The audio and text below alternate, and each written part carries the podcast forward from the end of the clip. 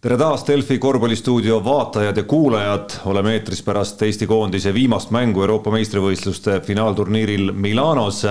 Kreeka kuuskümmend üheksa, üheksakümmend lõpunumbrid Eesti koondise ja alagrupi võitja ja turniiri ühe suursoosiku vahelises kohtumises. mul on hea meel tervitada siin stuudio laua taga jälle kaht uut külalist. TalTechi korvpallimeeskonna peatreener Alar Varrak. tervist! ja Tanel Kurbas, BC Kalev Cramo mängumees, kes kahe tuhande viieteistkümnenda aasta Euroopa meistrivõistluste finaalturniiril, nagu sai äsja järele vaadatud, seitsekümmend seitse minutit, viis koma kaks punkti keskmiselt mängus, tervist! tere! no räägime enne, kui läheme üldiste järelduste ja üldiste mõtete peale sellest tänasest Kreeka mängust. esiteks vist tuleb rõõmu tunda, et kreeklased tulid ikkagi nagu päriselt mängima meiega. ma arvan küll, et neil oli ju põhiviisik oli algviisik ja oli näha, et nad pingutavad, et äh, kindlasti tulnud Eesti mütsiga lööma ja see nagu peaks midagi näitama Eesti koondise kohta. kuidas, kuidas see tunne nüüd ütleme fännina, vaatajana jäi sellest lõpuks, et kas oleks tahtnud, et natukene nende mänguminu-, mängumeeste minutite ajal ka oleksime saanud paremini vastu või, või, või pigem jäi selline rahu hinge? no kindlasti oleks tore kui oleks saanud vastu, aga paraku tänasel päeval veel seda ei juhtunud, et meil on noor koondis ka, et eks järgmisel EM-il ole näha, kui me sinna peaks jõudma Alar, kuidas sinu tunne pärast mängu? meil kõigepealt hea, et äh, tegelikult oli parem, kuna meil edasipääsu võimalust ei olnud, parem mängida juba nende kõigi vastu ja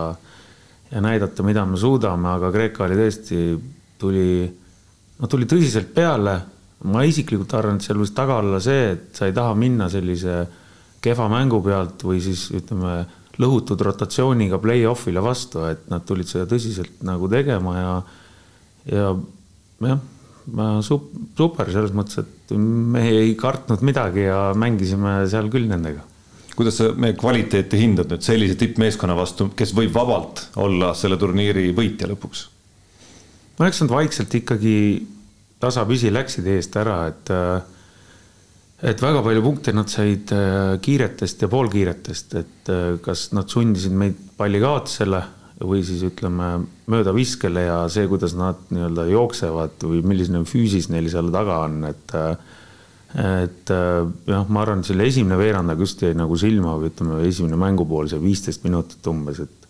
neid kiireid tuli seal palju ja siis kõige lõppu ka veel seal teise veerandaja lõppu ka veel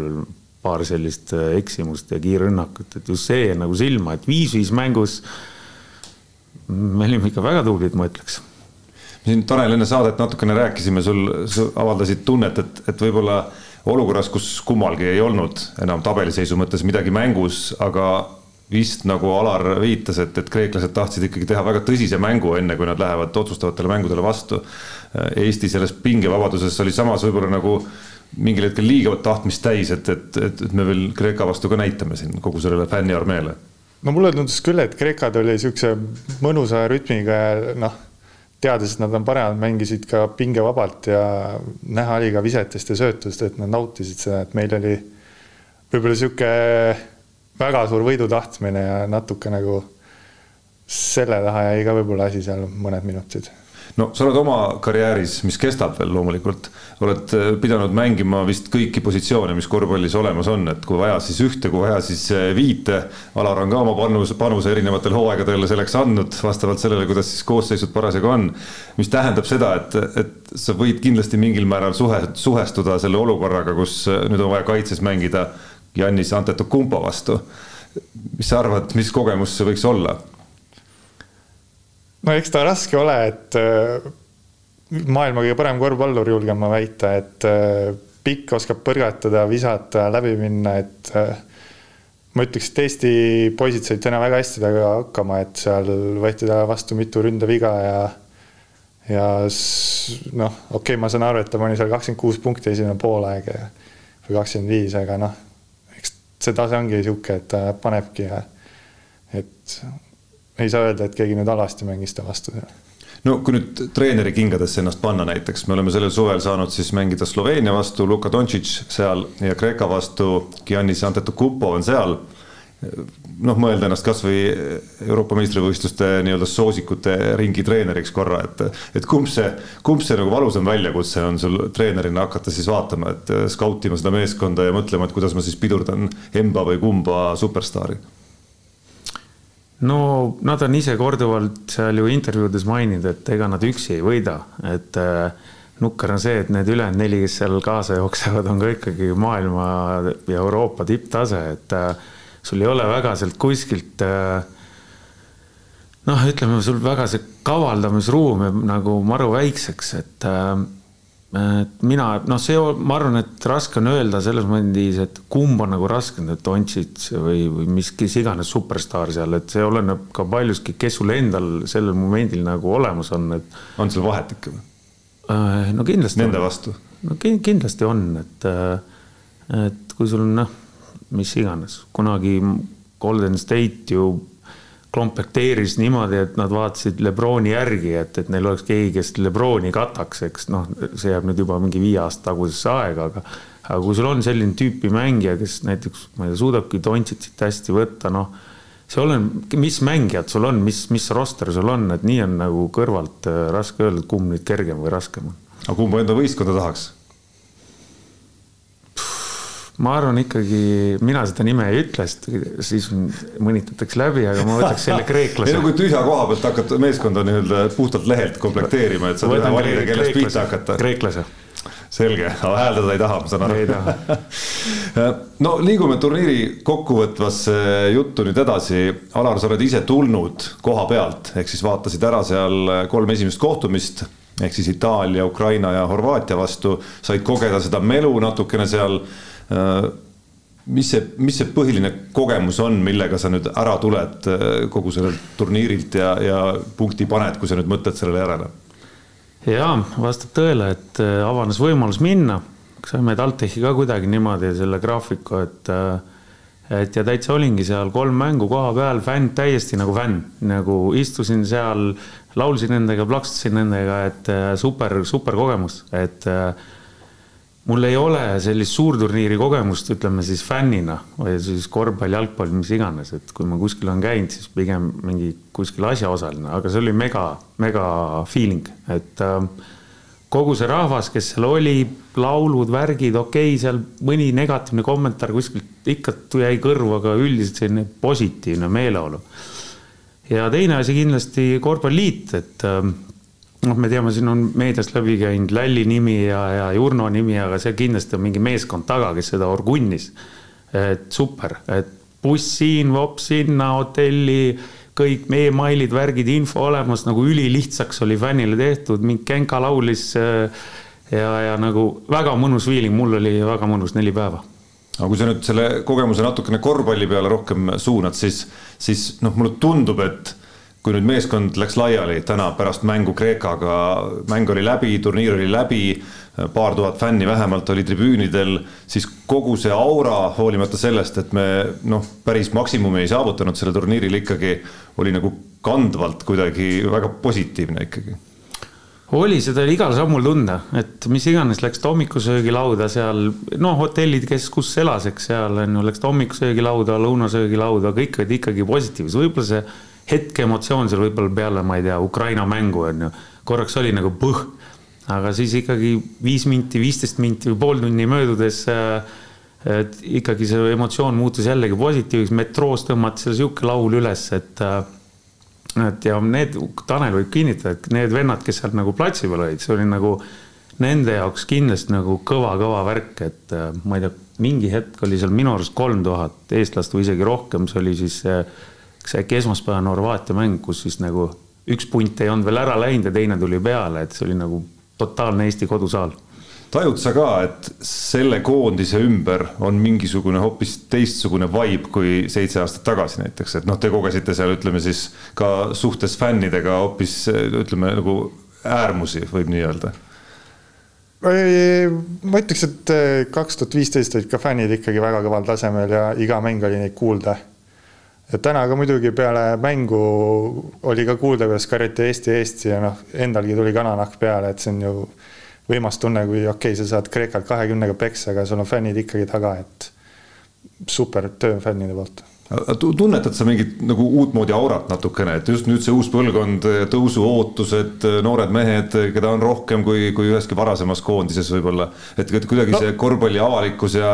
ja ma ei tea, lugejad, vaatajad, pealtvaatajad, kõik, kõik on kuidagi nagu mingis, mingisuguses sihukeses ootusärevuses ja, ja, ja rohkem nagu positiivsust kui, kui võib-olla varem. ma arvan küll, et see juba, et on noorem koondis kindlasti mõjutab, pluss meil on siuksed vingeid isiksused seal isegi, et Kriisa ja Trell ja kes nagu näitavad kõvasti ikkagi emotsiooni mängus välja, et rahvale see kindlasti meeldib. ja muidugi Kriisa ja Trelli ja Kullamäe kõikide need söödud ja lahendused ja Kotseri pealtpanekud ja et nad ikkagi üritavad rahvale ka midagi näidata. aga kumb koondis siis paremini hakkama sai finaalturniiril, kaks tuhat viisteist või, või tänane? No kokkuvõttes võib öelda, et üsna võrdselt, et mõlemad nagu jäid napilt äh, sealt edasipääsust välja, aga ma arvan, et äh, tänane koondis mängis nagu taseme poolest natuke paremini. mille poolest? no kõik oli nagu sammu võrra parem võib-olla, et äh, et keeruline on võrrelda, et see mäng on nii palju edasi arenenud selle ajaga ikkagi. et kui kindlasti vaadata neid meie mänge, siis tundub natuke naljakas, kuidas me mängisime, et praegult on see mäng palju kiirem ja atraktiivsem, ma ütleks, et pluss äh, individuaalselt on ka mehed, ma arvan, paremates klubides praegu ja noh, taseme poolest ikkagi samm kõrgemal. no kui, äh, kui sellise hinnangu on Tanel juba siin äh, välja käinud, et, et sutsu, sutsu parem äkki, siis kas Alar nõustud sellega? ja mina nõustun isegi natuke rohkem, et äh, et aga ma ütleks, see fännikultuur minu arust oli, oli ka nagu, ma ei, vot jälle, mul ei ole otseselt nagu seda kogemust. no Riias oli ka vägev möll ikka. jah, et mul, ma ei olnud tribüünil, ma olin seal all, eks on ju. saime laulu, aga saime seda ränka vilet ka, on ju. aga, aga see võib-olla mõne sihukese fänni käest peaks küsima, aga mulle tundus, et ka fännikultuur oli oli fännikultuuril oli kogemus all sellest Riia M-ist, kuidas olla, kuidas käituda, kuidas laulda ja nii edasi, et äh, aga ma võib-olla, ma ütlen, mulle esimene kogemus, mul on raske nagu võrrelda, et äh, et ma ütlen ka Itaalia mäng ju lõppkokkuvõttes oli miinus kakskümmend äkki jah. no sealkandis jah. et äh, aga Eesti, Eesti käis seal lõpuni välja, ma ütlen pärast õues, järgmine hommik, järgmine päev oli juba inimesed ikkagi positiivsed ja sa ise tõid ka selle välja, et selle nagu noore põlvkonna või siis nooremapoolse põlvkonna peale on ehitatud justkui nagu meedia poolt ka selline positiivne kuvand. ma arvan, et see kõik asjad nagu kokku on, on, on, oli, oli see feeling seal, mis, mis seal oli ja ma arvan, mängijatel ka oli, oli kõvasti parem nagu mängida, aga, aga selle küsimuse esimese poole tagasi tulles, ma arvan, et kui vaadata neid mängijatüüpe ja kui palju neid on siis äh, sellel, sellel koondisel on, ütleme, kokkuvõtvalt rohkem neid selliseid huvitavaid nuppe, millega niisugust äh, natuke teistmoodi mängu mängida, et äh, kui Tanel mäletas, meil oli seal Riias seda kavaldamist ka omajagu, et kes, kuidas, keda katab ja ja, ja me olime nagu gabariitide poolest kõigist nagu maas ja nii edasi, siis praegu vaatad neid gabariite seal, siis vastastreenerid peavad kukalt kratsima, et eh, kuidas, kes, kuidas keda katab ja nii edasi, et eh, ma arvan, et Tanel, ma loodan, et sa ei solvu, aga ma arvan, et see koondis tegi ikkagi nagu parema esituse üldkokkuvõttes, kui meie seal too hetk kaks tuhat viisteist. samas eesmärk päris jäi täitmata ikkagi, et, et me saame tagantjärele öelda, et eh, vaadates neid tabeliseisu väljakujunemise lõpuks, seesama üks üks korv, üks Ukraina korv seal lõpu, lõpuhetkedel viimase minuti mängu algul oligi siis lõpuks see korv, mis võttis meilt ära edasipääsu ja, ja no ma kahtlustan, et ega, ega nüüd Eesti koondislastest vist keegi ei tule sellise jutuga, et me, oi, me oleme väga rahul selle turniiriga. pigem, pigem kõlab sealt sellist pahameelt, et pagan, me oleks pidanud Berliini edasi sõitma nõus ja väga hea, et nad ei tule, et selles mõttes tõesti noh, jälle siin oleks-poleks, no Leedu vastu ka ju, meil, meie käes oli pall, oleks ära pannud kõik, võib-olla Leedu poleks, lõpuks nad tulid hõbedale, onju. viimane päev nad said vist Ukraina käest ka veel kotti, vabandust, kaotasid ja, ja, ja nad, nad oleks välja jäänud reaalselt, et meil oli ka ju eelviimane mäng oli noh, oleks-poleks, me räägiks võib-olla hoopis teist juttu, aga aga jah, et noh, mina arvan, et see on nende poolt nagu õige suhtumine, et, et ja, ja aga ajas vihale küll. Et sa saad kaks tükki niimoodi nagu tappa, et ega ajab vihale küll, vahet ei ole, et sa tavafänn või treenerist fänn või siis inimene seal platsil, et ajabki kurjaks, et see on nagu nii lähedal ja siis nagu kuskilt natuke puudu või midagi võetakse kuskilt natuke ära ja, ja noh, kuskil ma arvan, nädal-kaks, kuu aega mööda, siis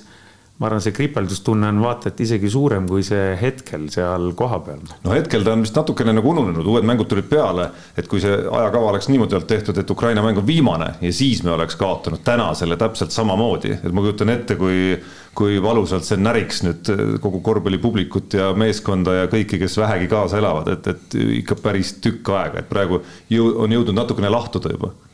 no ma ütlengi, et see, ütleme see tunne, kuidas kellelgi kellel juba klubi asjad peal ja nii edasi ja kui see nagu need mängijad kõik ja treener teavad sellele peale tagasi mõtlema ja kõik need ka ütleme siis funktsionäärid. et siis loomulikult neil, sorry, et ma nii ütlen, et kui nad, kui keegi neist kuulab, et siis see tuleb nagu kuskilt hiljem, siis arvad, et meil siin Taneliga ja siis Tiidu ja, ja sõbra ja nendega ei ole neid siukseid härdimuse hetki tulnud sellest Riia EM-ist. et kuidas see Läti ta... mäng ikka teisel poolel, miks ikka ära läks? no Läti võttis ära tegelikult, no me, me lähme hoopis teemast mööda, aga seal oli pigem see Leedu mäng, aga ka Läti mäng, et, et tegelikult samamoodi võime tagantjärgi õietada, et ei jäänud üldse ju palju puudu, et oleks edasi saanud, aga see tuleb neil, see tuleb neil. no kui me siin äh, läksime sujuvalt natukene selle liini peale, et mis puudu jäi, siis küsides kuidagi niimoodi natukene natukene filosoofiliselt, et äh, oli see see üks lauapall või, või, või tähistab see üks lauapall tegelikult natukene enamat ka, et, et mis meil ja meie meeskonnal jäi puudu, et mängida natukene paremini, et saada edasi?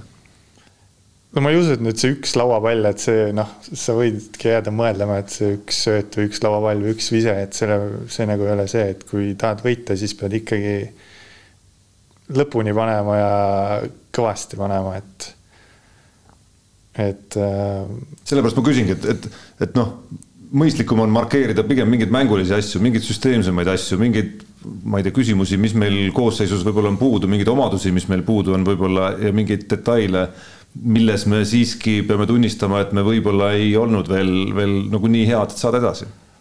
nojah, võib-olla jääb kogemuse taha see asi üldse seal, et kuidagi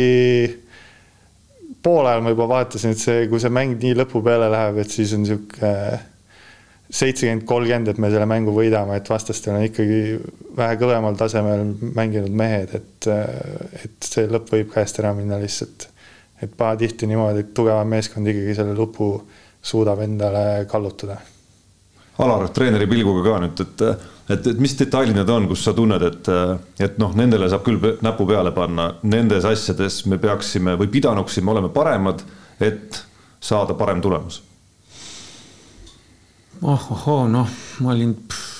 ega ma pärast seda videot seal lahti ju ei löönud, aga. ma ei mõtle Ukraina mängu, vaid turniiri tervikuna. ja, et äh, ühest küljest on meie koondise minu arust üks suur pluss, ma ütlen, et äh, kui see Kreeka mäng, ütleme, see mingi periood ära, ära võtta, siis tegelikult see line-up või kuidas siis, kuidas see eesti keeles on, ütleme siis see koosseis, koosseis, kes seal väljakul on ju, on ju seal välja arvatud siis mõni mängujuht on ju, kõik on üle kahe, pluss pane siis Kotsari fenomen sinna juurde, kes on praegu seal eriti tõestas nüüd seda, me ennegi seda arvanud, aga ta nüüd EM-il tõestas seda kõigile ära, et ta on ikkagi Euroopa üks, üks väga-väga tipp või tippu lähedal olev kaitsemängija, alates üks-üks kaitsest, lauavõitsest kuni pikerolli kaitseni välja. ja kui nüüd ongi seal korraga sul väljakul Vene Raieste trell on ju, kes on kaks null viiesed pikkade kätega ega see ei ole lihtne ülesanne vastastel ka ja ma ütlen, viis-viis kaitses me oleme, olime kogu turniiri vältel tublid. nüüd, mis minu arust äh, Siim Sander ütles seda ise kuskil intervjuus ka, et, et mis nagu sellisel tasemel mängib nagu rolli, et rünnaku poole pealt mulle tundus, et meile sobis jällegi rohkem, kui meil oli väljakul korraga Kriisa ja Kullamäe. et niisugune kaks, noh, me kutsume neid poolhändreid, korraga oli kaks sellist, et kui nad jäid üksi, siis neid hakati kõvasti survestama ja, ja ei tundnud tihtipeale võib-olla neid häid loogilisi lahendusi, kui nad olid kahekesi koos, siis kui üks, üks jäi hätta, siis teine aitas välja ja siis oli see rünnak jällegi nagu mõnusam, mulle nagu puusalt, puusalt praegu nagu ennustan. kolmas asi, mis, mis veel on, võtame siin näiteks Kullamäe, võtame, võtame Raieste, eks, võtame Trelli kes mängivad suuri minuteid ja suurt rolli, siis kui vaadata nende mänguminuteid klubi hooaegadel, siis ma loodan nüüd, kui me vaatame tulevikku, et nüüd nendel klubi hooaegadel ja ma loodan, et nad ei mängi kuskil ma ei tea, Jõgeva maakonnaliigat, vaid ikkagi kuskil seal kõrgel. no kahe mehe puhul on teada, kus trelli veel ei tea. jah, et ja nüüd Raieste ka, et, et nad saaksid nagu sellise stabiilse mängurolli endale. et äh, ja, ja uskuge mind, lisaks vanusele kogemusele see paari aasta pärast äh, mis nad nagu praegu on ja kui nad on veel rollis ka, siis see e-, samm edasi on veel suurem, kui ta nii või naa oleks, et äh, et ka siuksed nüansid seal vahepeal lõid nagu mängu, aga mis on selle Vene intervjuu juurde tahtnud tulla, et seesama Ukraina mäng, mis me EM-il seal võitsime kaks tuhat viisteist, see põhituumik tegi tolles mängus kõik oma ära. et alates seal Timmust kuni Taltsideni ja pikkadeni välja, Arbetid, Veidemannid, Kurbas ise, eks, kõik oma mänguminutid nagu tegid oma ära, kui võta nüüd esimesed paar mängu, eks, siis meil sellest põhirotatsioonist rünnaku poole pealt oli justkui nagu ärakukkujaid ja Vene ise ka tegelikult juhtis sellele nagu tähelepanu ja ta pidas vist isegi ennast ja, silmas. isegi ennast ja, esimesena muidugi. jah, et, et, et see põhituumik sealt, ütleme, ütleme, mängid kaheksa-üheksa mehega, siis mingi viis-kuus-seitse tükki peab siis nagu hea mängu tegema just sellisel tasemel, et kui sul ei ole mingeid tontsitsuguseid vendi, kes üksi tassib Äh, sihuke kolm tähelepanekut, sorry, pikaks läks. ehk siis selline, selline siit ja sealt kvaliteeti natukene vaja juurde oleks olnud vaja? ma arvan küll jah, et äh, ma ise mõtlesin ka kodus selle peale, et tegelikult kui võtta, kus meie mehed praegult mängivad ja kus mängivad vastaste mehed, et äh, paljud on ikkagi euroliiga tasemel tegijad ja igas võistkonnas enam-vähem üks või kaks NBA meest ka, et siis kui seda pilti vaadata, siis meil nagu ei olekski lootust, aga ometi me suutsime mängida siin noh, ma julgeks väita, et üsna võrdselt äh, vastastega, et see nagu annab lootust, et meie mehed jõuavad ka ikkagi sellele tasemele. üks selline, sa mainisid kiirrünnakuid näiteks, kui hästi joosti siin äh, eriti mõne võistkonna poolt ja noh, Kreekast me ei hakka üldse rääkima, et seal mõni mees tuleb kolme sammuga põhimõtteliselt siis keskjoonelt äh, korvi alla üks, üks mänguline detail, mis mulle vähemalt silma jäi ja millest siin laua taga ühes saates oli juttu ka, et et seda elementi meie mängus nüüd küll väga ei ole. et kiiresse meie väga hästi ei jookse. Meil on jah, kuidagi otsitakse seda tagamängijat jubedalt, et eh, noh, Kreeka mängus oli hea näide, et seal, kui see pikk sai ka palli, ta tuli üle kiiresti, et ei olnud olukorda, siis mängiti rahulikult, aga tihtipeale just see, et tuli kiirelt, kiirelt üle ja oligi niisugune neli-kolm kiirrünnak ja saadi kas lay-up või siis nurgast kolmene, et et sellist elementi jah, nagu meie, meie puhul ei olnud väga näha siin. No Allan Siimann, Kalev Cramo turundusmees ja, ja Eesti naistekoondise endine peatreener sellesama tooli peal, siin igas saates saab mõne sellise lingi tuua, arvas, et, et see kuidagi tuleb juba võib-olla noorte korvpallist meil, et, et ka meie noortekoondised, kui siin on räägitud, et füüsisega on probleeme, et ega siis ei jooksegi ju kiiresse, kui sa pigem üritad seal kuidagimoodi hinge endal sees hoida. sina, Alar, samal ajal oled äh, väga värske noortekoondise eduka kogemusega ehk siis U kakskümmend turniirilt. Mm, mis, kuidas su vaade sellele on? Noh, vanusekäigud on ka erinevad, et äh, isegi suur, suurriikidel mõnes vanusekäigust tuleb rohkem, mõnest vähem, väikede riikidel see nii-öelda see käib veel rohkem üles-alla, noh, U kahekümne puhul praegu ma olen eri, vastupidi, eri meelt. me viskasime igas mängus, ma ei tea, kui palju protsentuaalselt, ma arvan, kolmkümmend kuni viiskümmend protsenti punktidest, kiiretest ja poolkiiretest, et äh, niimoodi kirvega seda lüüa ei saa, aga ma tuleks tagasi jälle selle momendi juurde, mis ma enne mainisin, et äh, tihtipeale, kui nad on nagu jah, noh, no ütle nüüd, Tanel, poolhänder, no ütleme, et ta jääb nagu, pallikäsitleja jääb üksi, siis ütleme, kui see kaitselaud tuleb, siis nad jäävad teda nagu pilguga otsima, et äh, et noh, samas meil on mehi, kes, kes suudavad ise ka ju selle palli nagu üle tuua, eriti kui sa ei ole surve all, et äh, et äh, ma isegi selles vaatevinklis nii ei mõelnud, enne kui sa nagu küsisid, aga, aga võib-olla tõesti jah, et, et kuigi me olime ju viis-viis kaitses üllatavalt tublid, äh, siis, siis neid kiirrünnakuid ja poolkiireid võib-olla oleks protsentuaalselt tahtnud rohkem ja lõppkokkuvõttes ju me räägime siin ühest lauapallist, aga ongi kaks-kolm kiirrünnakut rohkem ja see ei olekski see viimase lauapalli peale see asi läinud. ja, ja isegi kui ühest olukorrast rääkida, siis kui me tabelit vaatame, siis me ei pea ainult sellest lauapallist rääkima, vaid ka see, kui Janari Jõesaare kolmene koos veaga oleks sisse läinud Horvaatia mängu lõpus. tegelikult tabeliseisu vaadates ka sellest oleks piisanud ja ka vabaviisa otsa ja korvi enam ei lase vastastel, oleks ka sellest piisanud edasipääsuks, et nad, kumb mängu lõpp oleks tulnud meile ja me oleks tabelis äh, neljandal real, et, et et ühesõnaga nagu kaks, kaks šanssi, mille, mis meil olid ja, ja mis jäid seekord kasutamata. aga kui, kui minna positiivsema poole peale, kes individuaalselt selle turniiri eriti hästi ära kasutasid? no ma ütleks Kriisa ja Trell. et äh, Kotsar oli siin juba varem tõestanud ja noh, teised mehed nagu mängisid ka, aga nemad just kerkisid minu arust esile, et äh, Kriisa ka, okei okay,, ta tegi siin Leedu vastu ühe supermängu enne ja paar mängu veel, aga nüüd ta ikkagi suutis, ma ütleks, et iga mäng ennast äh, väga healt küljest näidata. ja Trell samamoodi, et äh, võib-olla need kontrollmängud olid ka siuksed, mõnes üllatas, mõnes mitte, aga nüüd, nüüd ta suutis nagu sellist head taset kõikides mängudes näidata. sinu vastused oleks samad? kindlasti need kaks kindlasti ma siis ei hakkakski rohkem lisama nende kahe puhul, aga ma ikkagi tooks ka Kotsari no Kotsarit kõik juba võtavad iseenesestmõistetavalt, eks. aga noh, nüüd ikkagi suurturniiril tõestada, võtab nüüd need vennad välja, kelle vastu ta seal mängis, eks, ja kuidas ta, kuidas ta mängis, pluss see võistkondlik kaitse ja, ja ütleme siis Trail Kriisaga mulle jättis väga hea mulje, olgugi et Vene esimene, esimest kaks mängu vist ütleme, rünnakul ei säranud, aga kogu see tema olek ja kaitse ja ja, ja nüüd need viimased kolm mängu ja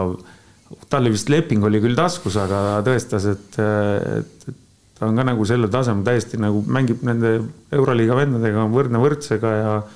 ja pole siis midagi. noh, kuidas ma ütlen, et see tase on nagu, ongi sama ja noh, Raieste ja Kullamäe puhul noh, tookski välja, Trell kasutas selle EM-i nagu väga hästi ära. et Kullamäe ja Raiestel on kõvasti juurde panna, et ma ei tea, mingi sihuke pessimist võib neid kritiseerida rünnaku osas, aga, aga, aga tegelikult on neil see sees olemas ja ma ütlengi, et loodame, et nad nüüd klubi hooajal saavad ka, aga siin on neid, vaata seda pilti, seal on neid vendi veel ja arvesta, kes veel välja jäid sealt, et äh, et. no sellist olukorda vahemärkusena, kus siis Poola kõrgliiga klubiga lepingu sõlminud mees ja ka üks Itaalia kõrgliiga klubiga lepingu sõlminud mees ja Mikk Jurkatamist ma ei hakka veel rääkima, kes lihtsalt oli vigastatud ja Kaspar Treier ka veel vigastatud, aga et nagu treeneri valikusse ei mahtunud sellised mehed kaheteistkümne hulka. nojah. Gregor ja... Hermetit pean siis silmas näiteks. noh, ma ütlen, siin on ju Hermet on ju Treieri vigastatud vennad, Jurkatam, et äh, ärme unusta, kohe-kohe tuleb Veesaar Äh, ja kui tal juhtub midagi ei juhtu ja ma arvan, et ta ei tule üldse mitte väikse pauguga, eks. et äh, siin on veel, pluss U kahekümnes oli meil mitu meest, kes, kes paari aastaga võivad olla siin kõvasti sakutada, nii et selle koha pealt on nagu seis tõesti helde ja ütleme, see meediamull või mis sa enne siin jutu alguses rääkisid, see ei ole tühja koha pealt võetud. oi, mullist ma küll ei rääkinud, mulli küll ei ole. no mis sa ütlesid, et meedia on. aru, üldine positiivse aura selline. ja, ja see ei ole ju kuskilt tindist välja imetud jutt, et siin on ju tõtt sees päris palju. aga selle kiituse nurga juurde korraks veel jäädes, enne kui me tuleviku juttude juurde läheme, et, et võtame selle Ger Kriisa kasvõi konkreetsemalt ette, ma usun, et ta üllatas ikkagi nii mõndagi korvpallisõpra, et neid, kes siin äh, rehmavad kuidagi USA üliõpilaskorvpalli poole ja, ja mõtlevad, et ja ütlevad, et no mis see siis ikka ära ei ole, et laste korvpall, noh, nende, nende nende jaoks sai, ma arvan, päris palju selgemaks, et, et ei ole see asi nii väga midagi selline no ütleme nii, et NCA on suur ja lai. et äh, seal on selliseid koole, et sorry, nad ei saaks meil siin teises liigas ka hakkama. aga kui võtta ikkagi need top seal ja Arizona kuulub sinna toppi, on ju, ja kui sa seal nagu läbi lööd ja vot see on, vot see on nagu, taseme näitaja, et äh, see, et sa oled USA ülikoolis, see ei, ei näita automaatselt, et sa oled mingi ilge kõva mängumees, kui sa oled seal kuskil sihukestes satsides ja oled mängumees, siis sa, siis sa ikka suure tõenäosusega oled ka. aga sina uskusid, et ta suudab, no ütleme, meie tagaliini liidri rolli võttis pigem nüüd tema kui Kristjan Kullamäe vist võime öelda turniiri järel vähemalt, et, et, et, et ta teeb seda, mida ta tegi no. mitte, et tal ebaõnnestumisi ei oleks olnud ta on väiksest peale on sihuke pull mängunautija, tal tuleb kõik kuidagi nii lihtsalt ja juba noh, ma ei tea, kaheksa, kümne, kaheteistaastaselt ta tegi noh, ta on nagu kogu aeg nautinud ja ja see kogu tema loomus ja selline väike kraka ei oskagi öelda, väike moosivarras, ta on nagu nautinud seda kogu aeg, aga mõnes mõttes küll üllatus. ma ei kahtlenud nagu mänguoskuste poole pealt, äh, pigem nagu selle psühholoogia poole pealt, aga nagu näha, siis sellega on tal kõik korras. mis see järgmine samm peaks olema tema jaoks? me ootame siin ju, et meil ja me oleme rääkinud palju selle turniiri ajal, et meil oli puudu liidrist, äh, sellisest otsustajast Äh, noh, ball-handler'ist, äh, pallikäsitlejast oleme maininud siin äh, mingid aastad tagasi, kui Alar oli BC Kalev Cramo peatreener, muutus väga aktuaalseks sõna defense breaker, kelle hankimine meeskonda oli ikkagi nagu A ja O ja millest pidi, pidi komplekteerimine hakkama ja, ja nii kui see jutt tuli, me nägime, tulid ka teisel tasemel tagamehed ja hakkas ka edu tulema äh, Kalev Cramole ka, ka, ka siis äh, VTB liigas näiteks, et, et kas, kui me nüüd vaatame Gerg Riisale kasvõi otsa ja, ja, ja teise silmaga veel Kristjan Kullamäele ja, ja sealt mõned tagameheste nimed on meil veel läbi käinud, et kas, et, et mis see järgmine samm nüüd kasvõi Gerg Riisa jaoks ja nende teiste meeste jaoks on, et, et mida nad peavad tegema, kus nad peavad arenema? et siis, et siis kerkiks meil ise selline mees, et legionäri ma loodan, et me ei hakka värbama ikkagi Eesti koondisse no ma usun, et kui Ker, tal on vist kaks aastat veel jäänud ülikooli, et kui ta need ära teeb, noh, suure tõenäosusega ta ikkagi hakkab Euroliigat meil mängima, kui ta äh, suudab veel tugevamaks ja, ja nagu enesekindlamaks saada, et äh, ma arvan, et äh, see ongi ta tulevik, et kui, kui ta samamoodi edasi vaeva näeb, siis ma ei näe küll põhjust, miks ta ei peaks. mis see omadus on, või mis see tehniline pagas on, mis, mis sinna juurde võiks veel tulla ja peaks tulema veel, et siis mängidagi veel kõrgemal tasemel, veel kõrgemal tasemel ja olla siis see unelmate kõik asjad koos, mida me siin äh, ette sai, sai loetletud. Kerrist konkreetselt siis jah ja.? ei no mis, mängida on osanud kogu aeg, et see ei olegi küsimus, ongi natuke võib-olla kogemustega, natuke võib-olla vahepeal tasakaalukam otsus äh, vahest on niisugune natuke riskialdis, mis ei ole ka nagu mõnes mõttes paha. natuke füüsiliselt tugevamaks eh, ja nii edasi, natuke igalt poolt kõike ja, ja kindlasti psühholoogia, et eh, ega temasugustel mängijatel läbi lüüa pole kerge, neid on seal Ameerikas ainuüksi, lisaks muu maailm, neid on tuhandetes, ma arvan isegi, et eh, seal mängib hästi palju nüansse rolli, aga aga ma olen nõus, ma ütlen, et võib-olla see Euroliiga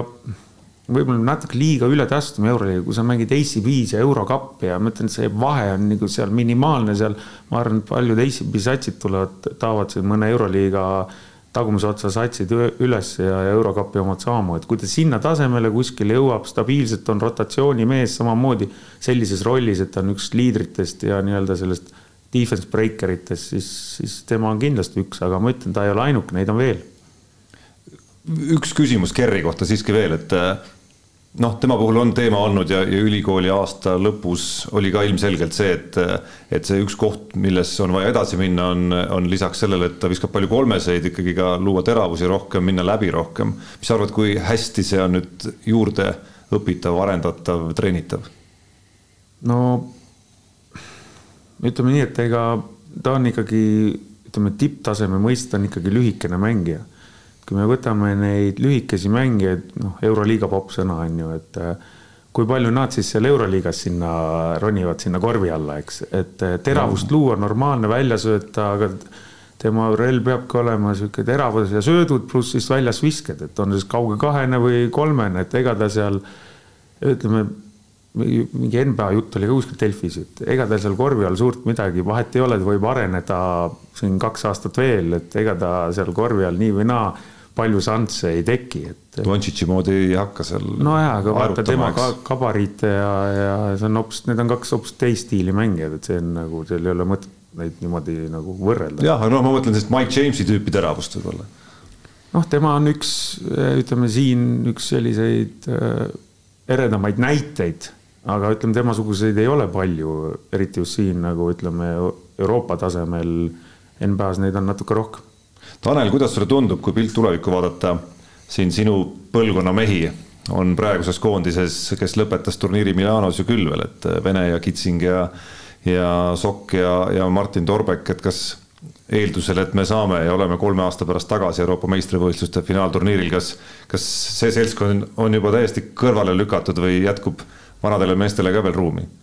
Ma ei oska öelda, et oleneb, kuidas neil tervis ja tahe vastu peavad, et kui tahtmist on, tervis lubab, siis miks mitte, et oskused on neil ju olemas, et iseasi on see, kui siit tulevad kõvasti paremad noored peale, et siis võib tõesti olla niimoodi, et ei mahugi satsi enam. tuleb siis? ma ausalt öeldes ei tea noorte korvpallist nii palju, et äh, ei julge siin midagi lubada, aga sellest oskab võib-olla Alar paremini rääkida. no Alar oskab kindlasti rääkida ka ühest äh, legendaarsest sõnast äh, nimeks masterplaan. Alar, kui sa töötasid korvpalliliidus, siis Alar juba, filmige kindlasti seda nägu praegu, Alar juba muigab, siis, siis, siis toimus mingisugune nii-öelda noh punkt, kus, kus hakati natukene nagu plaani pidama, et see sõna, mida ma kasutasin, jah, seda on kasutatud küll, küll nagu naljaga pooleks ja küll mitte naljaga pooleks, aga tõsiselt rääkides ei olegi selle sõna ümber ju mõtet mingit muiet teha, et, et neid plaane on peetud, eesmärke on seatud olgu siis sinu poolt, Jukka Toiala, Korvpalliliidu poolt, mis see, tuleta natukene meelde, et, et mis see jada on ja, ja kuhu see kõik peaks välja jõudma, see kõik ju kehtib veel mida te aastaid tagasi justkui leppisite kokku, et need on meie eesmärgid, sinna me tahame jõuda? mu see sõna masterplan oli ajakirjanduse enda, minu arust oli Ats Kuldkepp, kes selle sõna välja mõtles. et tuletagu nüüd ennast meelde ja ma kolme aasta pärast tuletan talle seda uuesti meelde. aga ja, et tegelikult ma arvan, et kui seda seltskonda vaadata, siis tegelikult Tiitu,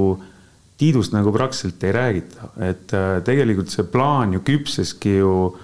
paljuski need, kes siin pildi peal meil on ja, ja neid on veel, ma ütlen, pluss sealt altpoolt on, on neid veel tulemas. ja, ja ju on ju ikkagi meil ka tekkinud Eestis mingi kogemus hinnata talenti. noh, see, et kas ta on talent, see ei tähenda, kuhugi jõuab, aga, aga sealt hakkas see nagu kooruma, pluss see üheksakümmend üheksa generatsioon aitas sinna nagu palju kaasa. ja, ja kui keegi mäletab, siis äh, meil oli siis selline kokkulepe, et iga koondise aken ühe noore liidame juurde meestele ja hakkasime tekitama kunstlikku noorenduskuuri, et teha mingi muudatus mingil hetkel. Tiit sai kõvasti kriitikat, mina sain kõvasti kriitikat, kaotasime siin Saksamaale. Saksamaa mäng oli jah, üks selline. ja, ja arvestades siis mitmeid vendi olid seal üldse üheksateistaastased, kes seal siis suuri minuteid nagu mängisid, viskasime nad tulle oli kriitika, mängijatel võis ka isegi paha tunne olla, aga, aga see oli teadlikult võetud otsus eh, parema tuleviku nimel. ja, ja noh, nii, nii lihtne ta oli, see tegelikult oli see, hõlmas ühte suurt arengukava üldse, mille siis tipuks seati rahvuskoondis, mis on siis, ongi nagu jäämäe tipp, mis paistab siis nagu välja. ja siis oligi, et mida sealt alt hakata siis tegema, et see siis see millest ma veel kord ja ma kindlasti saan edasi, et eh, top kaheksa kaks tuhat kakskümmend viis on ju, et no, mis ma, selleks tegema peab. ma segan vahele, see ei ole tegelikult mingi asi, mille pärast saada, et, et eesmärgid peavadki olema. arvad, et ma ei saanud või? ei no saada võib, aga noh, kui tõsiselt rääkida, siis ilma eesmärkideta ei ole ju, ei ole ka mõtet neid plaane no, pidada. jah, et ja siis vaatasimegi, meil oli üks selline salajane list eh, nii-öelda talentidest, mida me ei saanud avalikustada, sest mõni solvub, mõni jällegi tõstab nina püsti kes on seal listis põhjendamatult võib-olla. et äh, meil oli üks list ja siis hakkasime sealt järjest nagu vaatama, kes kuna küps on ja hakkasime järjest siis nagu meestekoondisse neid liitma ükshaaval. ja vahepeal oli ka kriitika selles osas võib-olla isegi Tanel, ma ei suuda meenutada, anna andeks, aga võib-olla mõni vanem mängija jäi põhjendamatult välja ja me eelistasime, kes oli tollel hetkel, tollel päeval selles tsüklis parem ja me eelistasime seda nooremat mängijat just selle parema tuleviku nimel. see on pikk jutt, aga ma enam-vähem lootsin, et sa said oma, said vastuse. tundsid ise ka vanema mehena, et mingi selline protsess hakkas kõrval pihta kuskil? no eks ma veidike ikka tundsin ja no tegelikult on see arusaadav ka, et äh, minul võib-olla oleks jäänudki need kaks-kolm aastat koondises, aga kui kahekümneaastane mees on võib-olla natukene kehvem veel, et las ta siis harjutab ja ta on kolme aasta pärast ikkagi kõvemal tasemel mis siit nüüd edasi arengu võti on, olgu siis nendel meestel, kes, kes tõesti selles koondises mängisid, olid kohal, said oma kogemuse kätte, on seal kahekümnendate alguses veel, olgu need mehed, kes mängisid Alariga U kakskümmend Euroopa meistrivõistlusi näiteks, keda siin mõnda on mainitud ka juba ja, ja kellest siin mõned äh, on, on korvpalliuudistes ka sellel suvel ikkagi klubivahetustega ja päris kõlavatega silma jäänud. olgu see Henri Veesaar, olgu see keegi, kes täna võib-olla jäi koondise ukse taha, nagu kasvõi Gregor Hermet. Tõesti luksuslik olukord meil Poola, Poola kõrgliigasse läinud mees, kes oli ka Eesti liiga play-off'is sel kevadel üks, üks kahtlemata silmapaistvamaid mängijaid, ei, ei mahtunud kaheteistkümne hulka, et mis see võti nüüd eda, edasiseks arenguks on, et kas see noh, see areng tegelikult peab tulema ju mitte niivõrd koondise särgis, kui, kui ülejäänud kümnel kuul, mis aastas on, kui mehed on omapäi klubide juures olgu siis klubide trennides või, või tegemas kõike seda, mida tuleb teha lisaks veel omaette no ma arvan, et esimese asjana nagu ei tohi alla anda, et kindlasti edasi pingutada, et Gregori puhul mul on tõesti kahju, et ta jäi välja, et ta ju tõesti play-off ides ja ka siin kontrollturniiridel, kui ta võimaluse sai, ta pani ikkagi minu arust ülihästi. et Gregorit ma näen küll, et ta mõne vanema mehe siin nüüd vabalt välja vahetada, et ja eks nende nooremate puhul samamoodi, et kui sa ikkagi klubis suudad tõestada, siis sa saad selle koondise kutse ka kasvõi sinna kahekümne mehe sekka ja eks seal saad edasi tõestada. no üks selline detail, mis rääkides arengust, üks asi on töö tegemine, teine asi on ka head valikud lõpuks, mida mängijad ju tegema peavad, et kui sa nüüd noh, me oleme siin saate jooksul ka rääkinud, et äh, Kristjan Kullamäe eelmisel hooajal noh, sisuliselt istus väga palju pingil, Sander Raieste on väga nimekas klubis olnud, et me oleme saanud paberil justkui ikkagi noh, väga uhket listi näidata, Victoria Baskonia on seal taga, aga praktikas me teame, et, et mänguaega on väga vähe ja, ja ka sellel mänguajal ja ma kahtlustan, et võib-olla ka trennis, et palliga tegutsemist ilmselt nagu väga palju ei ole. et kas need on need kohad, kus äh, olgu see Raieste või keegi teine mängija peaks mingil hetkel vaatama võib-olla kriitiliselt otsa, et kas see on mu arengule kõige parem? jah, et sa, ma tulen korra tagasi ühe lause juurde, mis sa ütlesid, et äh, tahtsin täpsustada, ega, ega ütleme, korvpalliliit võib teha plaane küll ja, ja aidata kaasa nii palju kui võimalik koondiste alates noortekoondiste programmidest ja, ja noorte treenerite õpetamisest, aga sorry, aga põhitöö tehakse ära ikkagi klubides. ja, ja, ja, ja selles mõttes on sul õigus, me korra enne sellest ka rääkisime, et et kui see roll jääb nendes klubides ikkagi olematuks ja kui see aeg veel venib väga pikaks, siis, siis juhtubki see moment, et selle mängija areng ja jääb, jääb seisma kuskilt ja ja ütleme ka psühholoogiliselt see mängija on väga haavatatav, ta on, ta on, ütleme, kehvas seisus ka psühholoogiliselt ja, ja mingi moment tulebki ja tuleb uus mees ja kes on kuskil klubis väga hästi ja, ja võibki see hoopis nagu lumepallina veereda ja, ja lõpuks tuled helistad Varrakule, oled TalTechis hoopis, eks, aga, aga jah, et, et nagu korvpalliliidul siin väga palju see mängija ikkagi ise oma sisetunde järgi, mina soovitan neid lepinguid ja otsuseid teha. agentidel on häid agente, aga on ka mitte nii häid agente, neil on oma agendad. et soovitan mängida, kõigepealt kuulata oma sisetunnet ja, ja vajadusel arutada ka inimestega, keda nad usaldavad, need otsused läbi ja ja ma arvan, näiteks sama puudutab Kristjan, ma arvan, Kristjan tegi väga hea otsuse Leetu minekuga. ja, ja point ongi selles, et treener tahtis teda, mitte ei tahtnud agent manager'ile või ütleme GM-ile siis teda maha müüa, vaid treener jahtis teda, et see on väga oluline, samamoodi miks Mike läks Hamburgi, mis pani alguses võib-olla osasid kukalt kratsima, aga samamoodi treener jahtis teda, mitte siis ütleme siis agent ei surunud peale, et et siukseid otsuseid soovitan mängijatel teha ja veel kord, ennekõike kuulake oma sisetunnet. või hea näide isegi sul väga omast käest võtta, Mikk Jurkatamäe kojutulek vahepeal. ideaalne hüppelaud oli saada oma enesekindlus kätte, saada liidri rollis mängida ja siis, siis minna juba samm, samm kõrgemale tagasi. ei saa väita, et see ei olnud riskantne otsus tema poolt, aga tal oli Itaalia nii-öelda see korvpalluri pass oli taskus ja ta oli samamoodi, ta oli aastaid olnud rollimängija oma klubis ja ta tahtis teha selle sammu, et ta on nüüd üks aastaga liidermängija, see, et see nüüd nagu poole aastaga nii juhtus, oli nagu üllatus, ma arvan, nagu kõigile, et ta nagu tõesti super hästi ja kõigil ei pruugi nii minna. jälle see on mängija enda nagu noh, ta, ta peab ise tunnetama, mis see õige on. Henri Veesaare nime loomulikult on, on lihtne esimesena vastuseks tuua, aga kelle esiletõuse me võiks siin lähiaastatel oodata, kellest me võib-olla siin ei räägigi praegu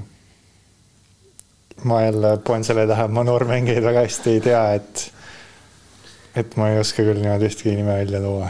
no Alar teab väga hästi no.. tema enda U kakskümmend koondises oli, olid paar meest, kes ikkagi nagu väga ägeda mulje jätsid. jah, sealt ma ütlen, nende nimede nimetamisega on. ohtlik libe tee. libe tee jah, et me siin juba mingit nimesid mainisime, Veesaar on muidugi lihtne, siin ei ole nagu tema nime lihtne välja tuua, aga siin U kahekümnes on kas, kui mõelda näiteks meestekoondise peale, kes reaalselt ikka kaheteist hulka saab, ma julgen väita, et kolm-neli meest on võimelised sinna jõudma. U kaheksateistkümnes oli tegelikult, äh, on ka väga huvitavaid tüüpe. Äh, U kuusteist, äh, ütleme, ei olnud võib-olla nii särav vanusekäik, aga samas kohe nende selja taga U, U viisteist on, seal on ka jällegi väga huvitavaid tüüpe, kuigi see on juba selline vanus, kus on juba raske natuke ennustada, aga ma arvan, et siin jah, U kakskümmend, U kaheksateist äh,, ütleme, kui me tõstame selle U viieteistkümnega sinna U, U kuueteistkümne alla, igas vanuseklassis on kolm-neli mängijat, kes, keda me võime tulevikus meestekoondises näha võtame ja loeme Eesti koondise jutud ja Eesti korvpallijutud sellega, sellega räägituks. patt oleks siin olukorras, kus alagrupi turniir sai läbi Euroopa meistrivõistluste finaalturniiril, jätta ikkagi küsimata, mis on see koondis, kelle peale sina just nimelt praegu paneksid kõige meelsamini panuse, et, et see võidab? ma arvan, ma paneks Serbia peale. et see Serbia tundub mulle nagu kõige kõvem praegu, et, et loomulikult võivad siin teised ka üllatada, aga kui oleks vaja kellegi peale panna, siis Serbia ikkagi. Alar, said mõelda natuke, ikka ei mõelnud välja? väga keeruline, nagu tõesti keeruline, et äh, noh, on räägitud Serbia-Kreeka aeg suursoosikud. aga no vaatame kasvõi sama Prantsusmaa mängu, eks. Dontsitsi imemängu veol nad tegelikult ta tegi ikkagi ulmemängu ja Prantsusmaa oli kogu aeg mängus ja nii lähedal, et üks hetk see murdub et selles mõttes, no see tase on ikka nii ühtlane, aga, aga vaadates sloveenlaste kehakeelt, mis ei või play-off'is muutuda, siis ma nende peale raha ei paneks. pigem ma jääks Kreeka ja, ja Serbia peale, isegi tõesti Serbia võib-olla isegi kõrgem, aga fifty-fifty keegi tagant tuleb ja võtab selle tiitli ära aitäh, Alar, aitäh, Tanel, selle jutuajamise eest. Delfi korvpallistuudio vähemalt selles osas on lõpetanud, mis puudutab Eesti koondise mänge käimasoleval EM-finaalturniiril, aga me oleme kindlasti veel tagasi. kohtumiseni